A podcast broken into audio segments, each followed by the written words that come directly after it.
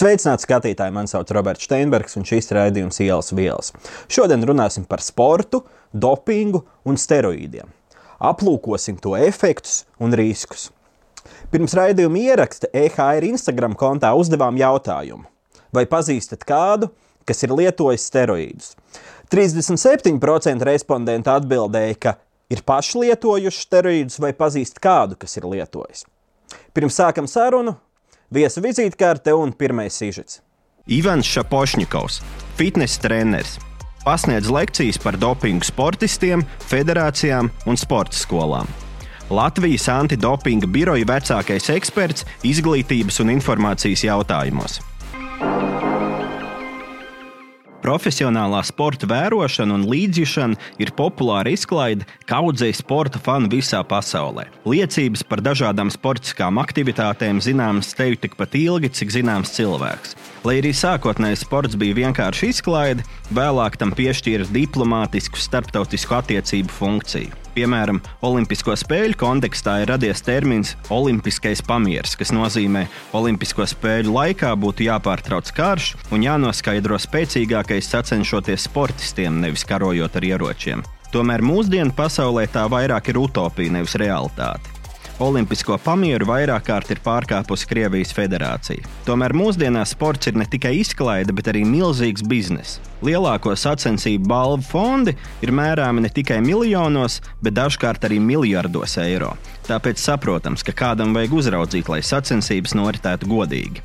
Pasaules antidopinga aģentūras izstrādātajā sarakstā apskatāmas visas vielas, kas uzskatāmas par dopingu. Šo sarakstu atjauno katru gadu. Pie dopinga pieskaitāmas gan tādas vielas, kas uzlabo fizisko sagatavotību, piemēram, uzlabo izturību vai mazina sāpju slieksni, gan vielas, kas fizisks uzlabojums nedod, taču daudz kur pasaulē ir aizliegtas. Tostarp izklaides narkotikas. Pasaulē ir fiksēti gadījumi, kad sportisti ir gadiem ilgi krāpušies, lai sasniegtu pasaules labākos rezultātus. Ir gadījumi, kad sportisti apgalvo, ka dopings viņu ķermenī nonācis nejauši bet ir arī gadījumi, kad pieķeršana dopingā ir beigu sākums profesionālā sportista karjerai. Piemēram, krievu tenisiste Marija Šarapova, kas vairākus gadus bija pasaules top 5 tenisistu vidū, 2016. gadā tika diskvalificēta uz diviem gadiem par meldoniju lietošanu, kas labāk pazīstams kā mildrināts. Lai arī starptautiskajā sacensībā Šarapova atgriezās ātrāk, viņai vairs neizdevās iekļūt pat top 20 labāko vidū, un viņa savu sportistas karjeru noslēdza.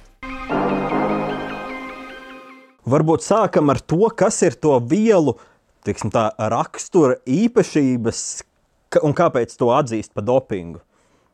Jā, laikam, lai, lai saprastu, lai, ka ikviena viela nonāk aizliegto vielu metožu sarakstā, jāpaskaidro tos iekļaušanas kritēriju, kurus nodefinē, kuri jau definēti Pasaules anatomika kodeksā, un tiek, tiek minēti, ka tādi, ja viela ja ir pierādījumi, ka viela var uzlabot sportisko sniegumu, viņa ir farmakoloģiska, medicīniska vai citāda rakstura pierādījumi, kas, kas tiešām parāda, ka šī viela var dot kaut kādu iegūmu sportā. Otra lieta to, ka viela uh, arī ir pierādījumi farmakoloģiski, medicīniski, to, ka viela uh, var kaitēt sportista veselībai. Un trešā lieta ir tas saucamais, ja viela ir pretrunā ar kodeksa ievadas tam sportisko garu, to terminu, tad uh, viela arī tiks iekļauta aizliegto vielu sarakstā. Nu, tad, lai, lai iekļautu jebkuru vielu, tad jā, jāatbilst vismaz diviem no šiem trim iekļaušanas kritērijiem, un tad uh, viela varētu būt iekšā.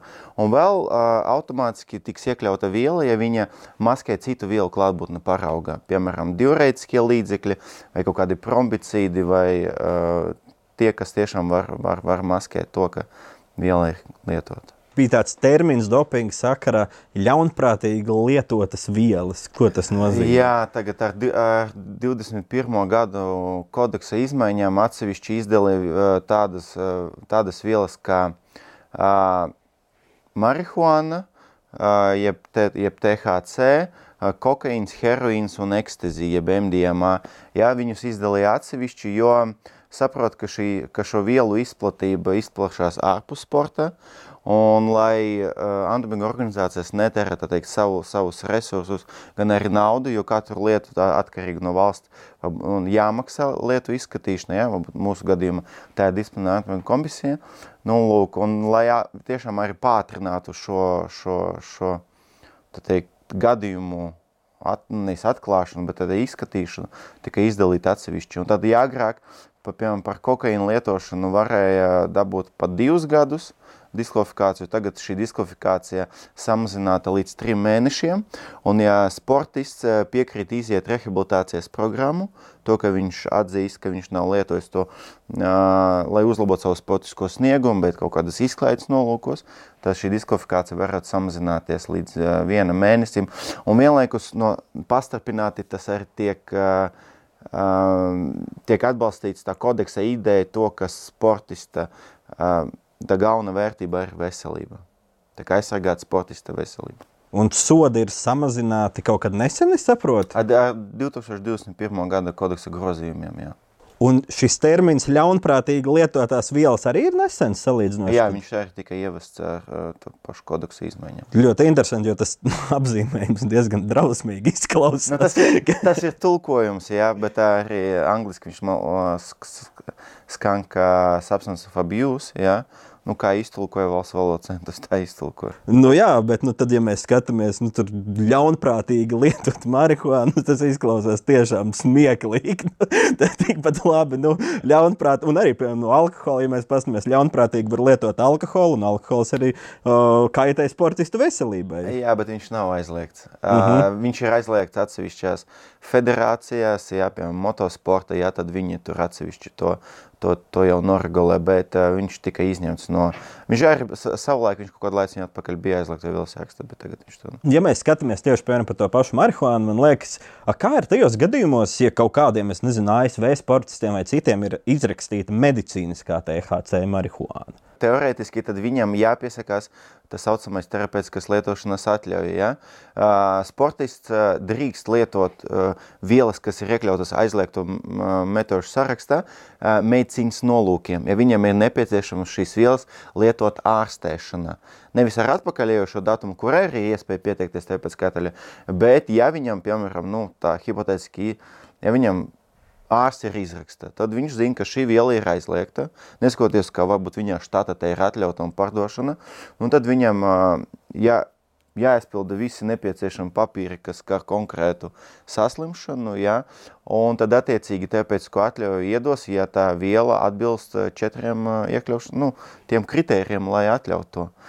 Mm, bet ja būs kaut kāda alternatīva, ka, piemēram, nu, ja viņam tas tiek izrakstīts nezinu, indikāciju. Ja? Bet, ja ir kaut kāda atļauta alternatīva, kura nav aizliegta, tad viņam neiedos to pēc ko atļauju nosauksim tā.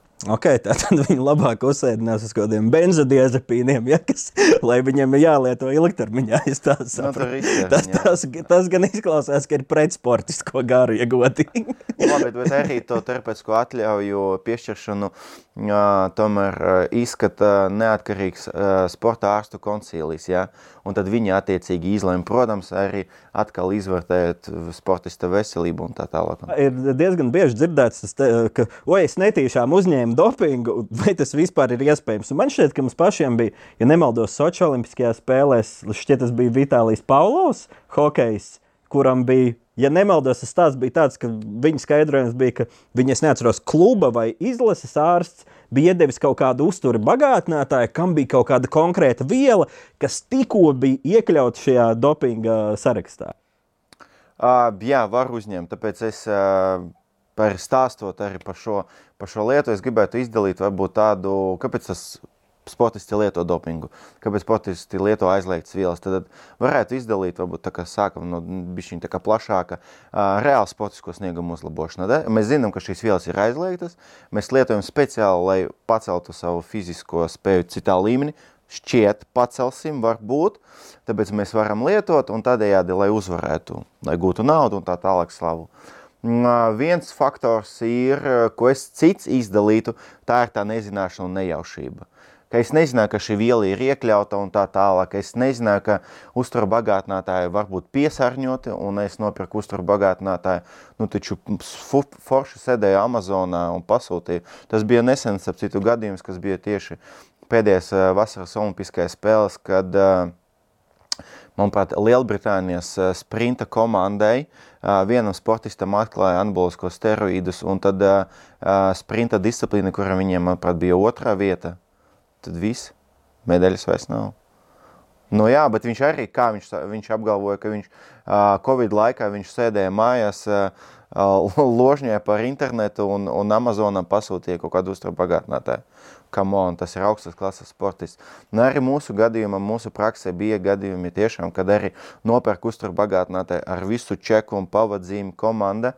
Un, protams, neko sliktu no, negrib tas menedžeris, viņš gatavo to punšu sportistiem, visi dzer no vienas paiņa, un izrādās iekšā ir tāda viela kā higienamīns, ja, un tādā veidā, nu, bet es pēc tam pats interesantākais arī, ka man runājot ar šo sportistu, viņš saka, es saku, a, kā tu jūties, nu, pēc, pēc, viņš saka, vienmēr pēc spēles man bija tāds uzbudinājums, uztraukums, tāds nemieris, tremors, ja, nu, un tad varam, varam secināt to, un sportistam varbūt pat, pat nesvilktos tas, uh, tā lieta, ka viņš tas ir tieši nāk no tā, ka viņš ir lietojis kaut ko pirms treniņa dzērienu. Ja?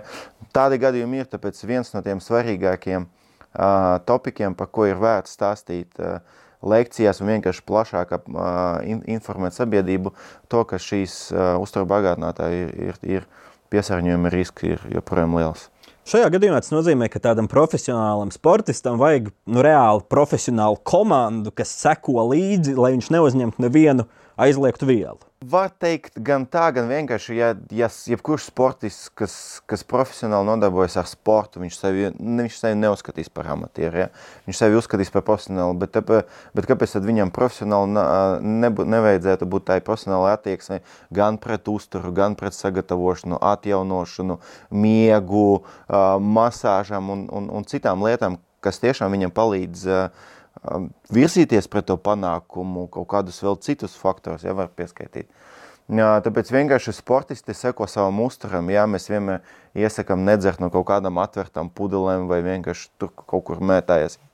Ja sportisti brauc kaut kur ārzemēs, nu tad ir kaut kur pierādījumi to, ka, piemēram, vai nu Ķīna vai bija Meksikas gadījumi, kur uh, tiešām ir, ir piesārņota gaļa, tad lūdzu neizmantot piesārņotu gaļu un neēst kaut kādās ēstuvēs. Uh, ja, bet, bet normālais tur, kur ir atļauts. Tas ir normāli. Es arī runājot ar augstas klases sportistiem, nu viņiem, ja tu pat viņiem piedāvās kaut ko, o, rekur, pagaršo šo, nu, piemēram, CBD čok šokolātu viņiem piedāvās, nu, viņš varbūt nezinās, viņš pateiks, nepaldies, es negribu. Tas es tiešām zinu no, no sportistiem. Kā es nezinu, cīnīties ar savukārt tādu otru paveidu, kad nevis ir komanda, kas pieskata, lai neuzņem do dopingu, bet ir komanda, kas to visu slēpj. Un tie gadījumi, man liekas, uh, riteņbraucēja Armstronga laikam gadījumā, kur bija super komplicēta schēma ar asins pārliešanu, ka viņš, un, un viņš skaitījās labākais riteņbraucējs līdz brīdim, kad viņu pieķēra. Nu, kad viņš atzīst, jā. jo viņam nebija neviens pozitīvs uh, dopinga teikt, gadījums, dopinga prova. Jā. Nu, vienmēr gribās runāt no, no, no manas skatu punkta kaut kā pamatoti, jā? nevis spekulēt uz kaut kādām emocijām, varbūt uz kaut kādām filmām. Tāpēc uh, nu, arī tas, joprojām tas skaits, uh, cik tad sportisti reāli lieto dopingu. Nav, vot, vot, vot joprojām nav, nav reāli pierādījumi par to, ka mēs varam kaut kā runāt par kaut kādiem konkrētiem skaitļiem, ka, vot, piemēram, skatoties olimpiādu, tad, tad vot, katrs trešais vai piektais būs ar kaut ko iekšā.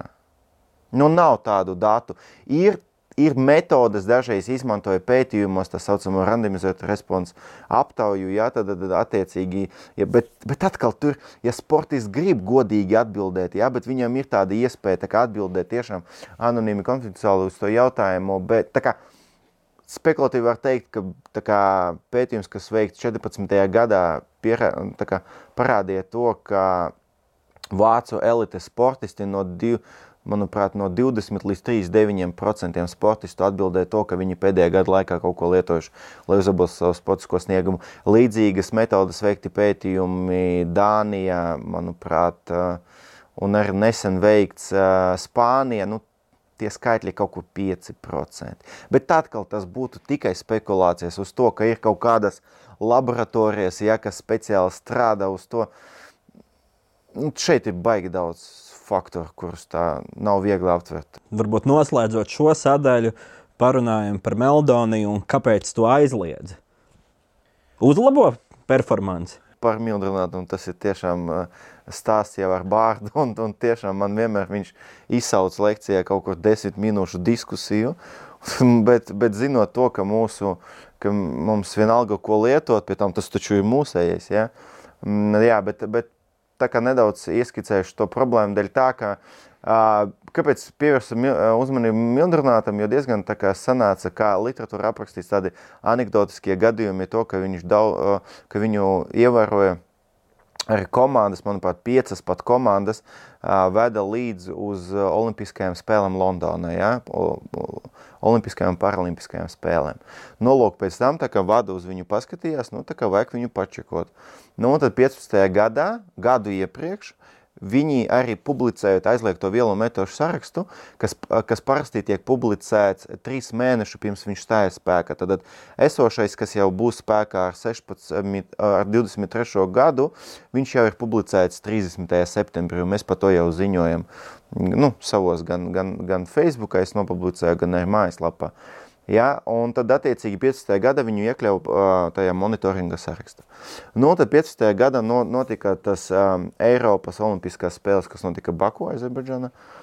Nu, tad, attiecīgi, paskatījās to, ka arī skatījās, no, manuprāt, tur tika paņemti 700 paraugi dopinga kontrolas. Ja? Kopumā, mēs varam, kopumā, manuprāt, Olimpiāda piedalījās ar pāri 5000 sportistu, 5 600 kaut kas. Nolūkt, un, un tad attiecīgi 66 paraugos, labi paskatījos, 66 paraugos tika atklāts Mildronāts. Meldonis pareizi, bet vienalga. Bet, un pie tām 23 sportisti no tiem 66 bija uz piedestālas. Tā tad nu, palīdz. nu, attiecīgi, bet atkal par, par palīdzēšanu tiešām uh, Mildrunāts ir pētīts uh, noteikti slimību ārstēšanai. Ja? Viņš pē, pētīts sirds mazspējas, noteiktas klas, klasifikācijas sas, saslimš, saslimšanai un slimniekiem. Ja? Bet nav, es teikšu, pētījumu uz veselas populācijas un, un sportistiem. Es domāju par uh, tādiem evidence-based pētījumiem, nevis to, ka tiek vienkārši iedoti septiņiem džudistiem un tad paskaties, cik viņi labi jutās. Ja? Bet tiešām tādiem kliniskiem pēc visiem algoritmiem un tā tālāk veiktiem pētījumiem. Nav uz veselu cilvēku populāciju. Tāpēc, attiecīgi, mēs varam, varam apgalvot, ka mildinātu uh, nav, nav pamata lietot sportā. Ja? Tāpēc tie Te rezultāti ir spekulatīvi. Un tiešām tas fakts, to, ka uh, sportisti nu, piemēram, tajā spēlēs lietoja, bet arī nu, vada skatās, bet ja viņiem nav sirds mazspēja, ja viņiem nav šīs kardioloģiskie pacienti, kuri, kuri sēž poliklinikā, ja, bet tie ir sportisti, tad priekš kam viņu, viņu lietot viņiem? Ja viņu nepieciešams lietot, tad lūdzu, ja, lai tev ir viss pamatot, teikt, medicīniskā informācija un, un vērsies pēc terapeitiskās atļaujas. Ja? Tad, attiecīgi, nu, savā ziņā tā kā reāli pierādījumi to, ka mildunās tiešām palīdz sportisko rezultātu uzlabošana nav, bet, attiecīgi, nu, bet, ja ir kaut kādi, kā es jau iepriekš sākumā pieminēju tos kritērijus, ja ir kaut kādi pierādījumi, kas varētu liecināt par to, ka tā viela vai, vai nu pati, vai nu kombinācija var uzlabot sportisko sniegu, tad viņu iekļauj. Un tāpēc miljonāts atbild diviem iekļaušanas kritērijiem, tad viņu iekļauj iekšā.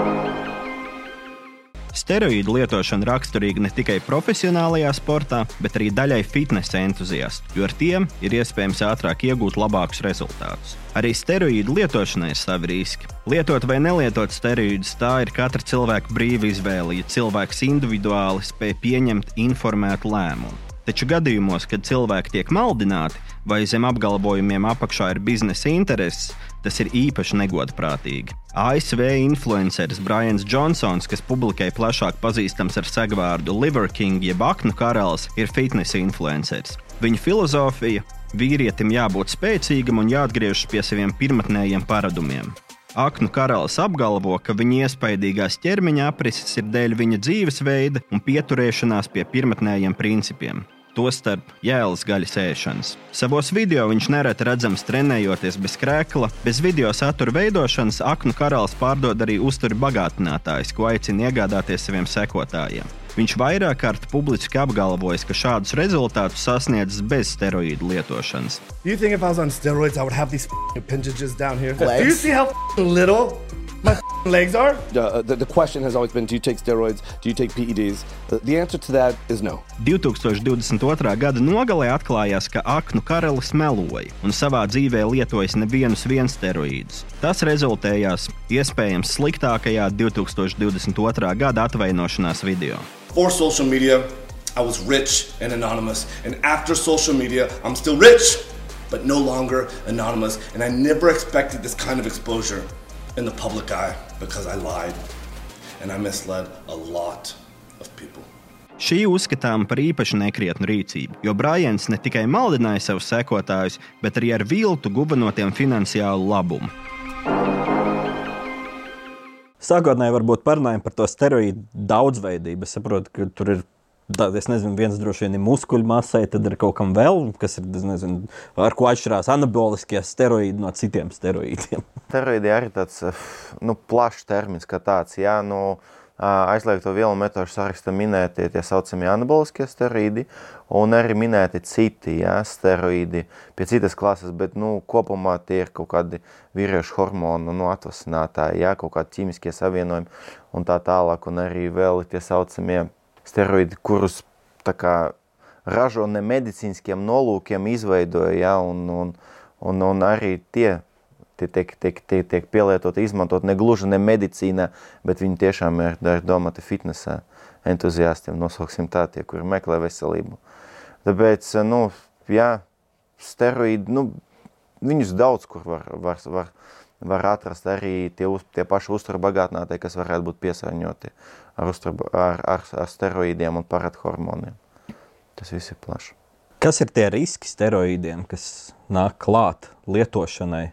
tur ir virkne blaknu papildus, jā, jo par tiem vairāk, protams, var, var, var runāt ārsti, bet uh, arī fakts tāds, ka uh, ja mēs lietojam kaut kādu medikamentu medicīnas nolūkiem, ja, tad mums ir kaut kāda, mums ir to nepieciešams lietot, lai kaut ko ārstētu, ja, bet parasti tos steroīdus vai tos medikamentus, ja, ja ir kaut kāds daži medikamenti, kur tiešām ārsts var izrakstīt, ja cilvēkam ir samazināta testosterona daudzums, ja, bet ok, viņam ir samazināta un viņam būs uz to indikācija to lietot.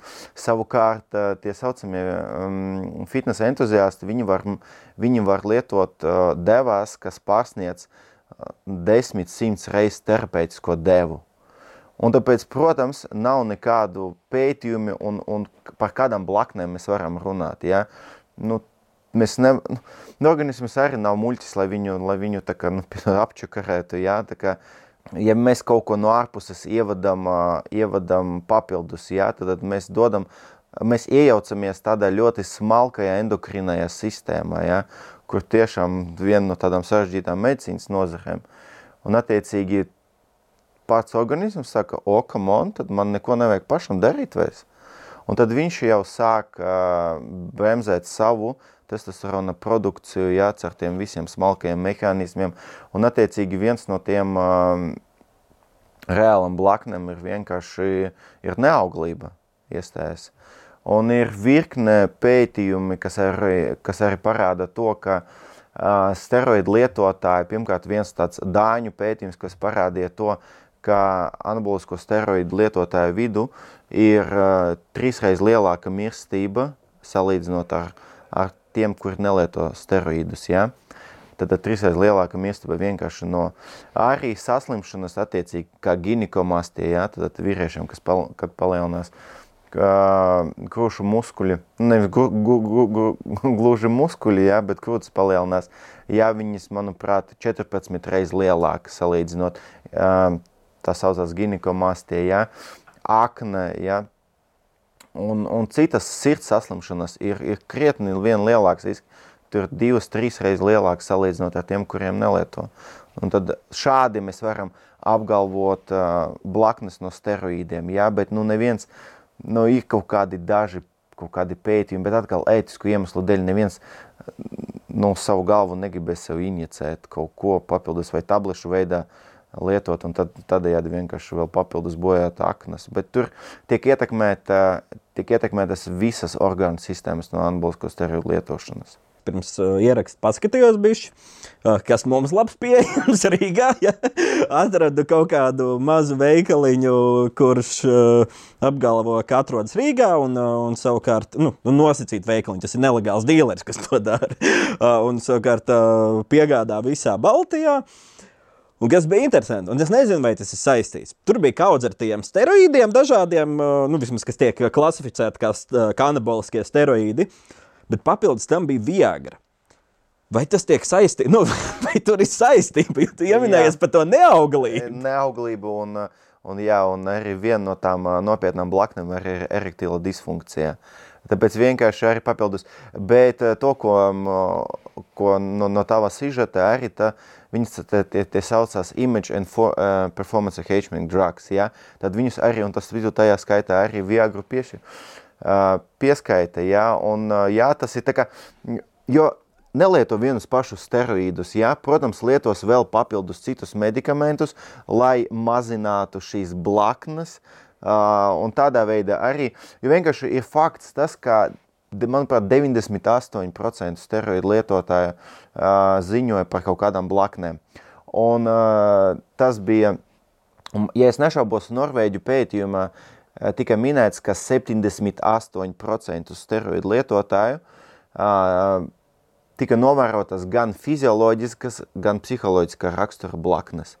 Tā kā viņiem ne, ne tikai kaut kas tur problemātiski notiek, jā, tīri, ko mēs varam, bet arī um, iekšējā sajūtās kaut kāds nemieris, uzbudinājums, agresija, depresija, arī šīs, jo arī pētījumos var paskatīties, arī tas ir neparprotami nu, saikne, bet arī steroīdi uh, rada neparprotamu, tā teikt, viņi, viņi samazina augsta blīvuma lipoproteīna daudzumu un, pal un palielina zema blīvuma lipoproteīna daudzumu, bet vienkārši sakot, viņi tā kā uh, tevi taisni vēt pie sirds maspēja. Par uzturu bagātinātājiem. Mēs zinām, ka, lai tu pārdotu kaut ko kā zāles, tam ir jābūt. Tur ir super strikta kontrole, super, nu, super stingrs mehānisms, kam jāiziet cauri, kādiem jābūt pie, pētījumiem, pierādījumiem un tā tālāk. Uzturbagātinātāji, principā, jebkurš no mums, cik es saprotu, mēs varam sabāzt kaut kādas vielas kopā, pateikt, tas ir uzturbagātinātājs, un tās var cilvēki, tās mēs varam pārdot cilvēkiem. Es nu, pareizi saprotu. Nu, jā, pa Latvija par uzturu bagātinātāju reģistrāciju atbilst patikas veterinārais dienests. Jā. Un ar tiem mēs arī runājam, bet, nu jā, viņi, ja tu gribi reģistrēt uzturu bagātinātāju, tu samaksā kaut kādu naudiņu un arī iesniedz papīrus, kas viņai iekšā. Vai viņi taisa analīzes vai tiešām pārbaudītu to, kas tur ir iekšā, es jau neatceros un arī tagad nespekulēšu ar atbildi, jā, bet ko, nu, mēs varam iedomāties, kāda tā būs atbilde. Nu, līdz ar to tiešām mēs, nu, uh, Tas ir tāds tīri mārketings. Joprojām kaut kur Eiropā veikti pētījumi arī par uzturu bagātinātājos. Ir atrasti apmēram 25 līdz 30% uzturu bagātinātāji ir piesārņoti ar sporta aizliegtām vielām. Un arī fakts to, ka daudzos uzturu bagātinātājos eh, pat šīs aizliegtas vielas nebūs minētas marķējumā. Un arī tas varētu tiek minētas arī kā tāds uh, rūktā melone vai rūktais apelsīns vai gerānium eļļa. Bet patiesībā viņam ir pseidonīms, tas ir pseidonīms ķīmiskai vielai citai, kas ir pēc, pēc uzbūves būs līdzīga amfetamīnam, un tādējādi šeku reku jau būs pozitīvs uh, dopinga gadījums. Jo, ja tu, bet atkal, sportistam uh, ir noteikts, ka tas saucamais stingras atbildības princips, jā, tad viņš atbildīgs par to, kas nonāk viņa organismā. Un tālāk viņam jāpierāda to, ka viņš šo vielu varbūt ir saņ, uh, saņēmis caur uzturu bagātinātāju. Vienā pētījumā bija dati, ka, manuprāt, tur bija pie 60% arī augu valsts izcelsmes uzturu bagātinātājos nav tās sastāvdaļa, kas minēts uz iepakojuma. Nu, respektīvi, uzturu bagātinātā ir diezgan tāda sketčīga lieta, un tu nezini, ko tu dabūsi. Un, un nav pat garantija, ka tu dabūsi to, kas ir rakstīts uz iepakojuma, ka tur var būt kaut kas papildus. Visa. Tas ir lieli riski. Uh, viņus pie, piemēram iegādāties tur, kur viņi pat nav reģistrēti. Jo, ja, ja, nu, minimumu, ko mēs varam izdarīt, pārbaudīt, vai šīs konkrētas uzturu bagātinātājs ir reģistrēts pārtikas veterinārajā dienestā. Ja ir, nu tas, tas dod kaut kādu, bet vienalga nenoņem pilnību atbildību no, no sportista. Tā tendence, ko es esmu novērojis vismaz dažiem cilvēkiem, ka viņi atrod kaut kādu uzturu bagātinātāju, kas viņiem pašiem viņiem liekas, ka tas palīdz. Tad viņi savukārt visu laiku viņu mauc bez apstājas. Un tad es saku, klau, nu nevajag tā darīt, tāpēc, ka pirmkārt tas ir uzturu bagātinātājs, un tu nekad nezini tās ilgtermiņa sēkas, un uzturu bagātinātājiem nav jāpārbauda šīs ilgtermiņa sēkas. Varbūt tas ir kaut kas ievērojami sliktāks nekā pīpēt četras paciņas dienā, un un to tu nevari zināt, jo tādu pētījumu vienkārši nav veikti. Nu, arī parunājot ar ārstiem, arī, starp citu, ar nostopagātinātai lietošanai ir uh, cilvēki pēc tam nonāk uh, slimnīcās, jā, tā kā ar kaut kādām aknu problēmām, kur tiek enzīmi tiek vienkārši uzlēts augšā. Nu, arī tāpēc, uh, bet kopam par tiem uzturbagātinātājiem, ja mēs atkal runājam, tomēr parasti, ja cilvēks kaut ko mēdz šādu lietot, viņš tad mazāk pievērsīs uzmanību savam pareizam uzturam, kas, jau, ka- kas nav pareizi. Un uh, es kaut kā gribētu balstīties arī uz to, ko jau kaut kādu laiciņu atpakaļ, bet, bet secināja tāda pamatīga pētnieku, pētnieku grupa to, ka nav, pašlaik nav pierādījumi par to, ka uzturbagātinātāji tiešām tev palīdzēs uzlabot sportisko sniegumu vai rezultātu, un arī, gan, gan arī, būsim godīgi, arī kaut kādu sl- sliktu iedarbību uz organismu, ja? Tā kā tas ir vienkārši, kā, kā es dzirdēju no viena doktora, tas nedaudz sadardzina tavu urīnu un viss. Ok, jā.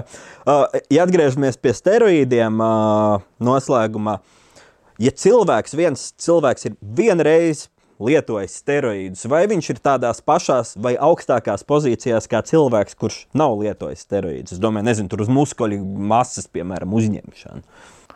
Nu, atkal, ja mēs runātu un tādu no, no zinātniska viedokļa, no pamatota viedokļa, nu, tad arī īstenībā citu publikācija, kas arī pasaka to, ka pat steroīdiem ir, eh, viņu efekts ir eh, apgalvots ar placebo efektu. Ja? Nu, man gribās tomēr kaut kā pieturēties pie, nosauksim, pie evidence base, ja? un, un ja nav pierādījumu to, ka tas tev var kaut ko dot. Bez šābām, protams, skatoties uz lielu bodybuilderu, kas kaut ko lieto, kā var neapgalvot, ka tas kaut ko tev dod muskuļu masu, ja? Par to pašu eritropoetīnu, ja? ir pētījumi, tad eritropoetīnu, tad vielu, ko, ko lieto arī Armstrongs, tevis pieminētais, ja? tad, tad lai, lai palielinātu sarkanu asins ķermeņu skaitu, ja? Tad, tad eritrocītu skaitu, lai mēs būtu mums lielāka izturība. Nu, lūk, un bija tāds neliels pētījums, kas ir publicēts divas grupas. Vieniem deva eritropoetīnu, ja, laboratorijas apstākļos, un otriem uh, nedeva neko, tā kā salīdzinājuma grupa placebo. Nu, un tad, skatoties laboratorijā iekšā, viņi parāda kaut kādu uh, statistiski ticamu atšķirību starp uz velotrenažieru, ja? Bet tad, kad šo sportistus izlaiž sacensībās, gonkā, kur ir vide, vējš un tā tālāk, un tā tālāk, tad nav nekādas statistiski nozīmīgas atšķirības starp to, tām divām grupām, tie, kuri lietoja un nē. Tā kā tur vēl virkne citu faktoru, momentu ietekmē to, vai tiešām tev būs, uh, tev, būs tas efekts, ko tu gribi sagaidīt, vai tev nebūs nekā. Protams, tev, tu vari sev ie- iestāstīt, ka būs. Es domāju, tur ir daudz dziļāk, daudz dziļāk tā visa atbilde slēpjas. Labi, paldies, Ivan, ka atnāci un paskaidroji šo pietiekami sarežģīto tematu. Paldies, ka uzaicinājāt. Paldies arī jums, skatītāji, ka skatījāties. Tiekamies pēc divām nedēļām.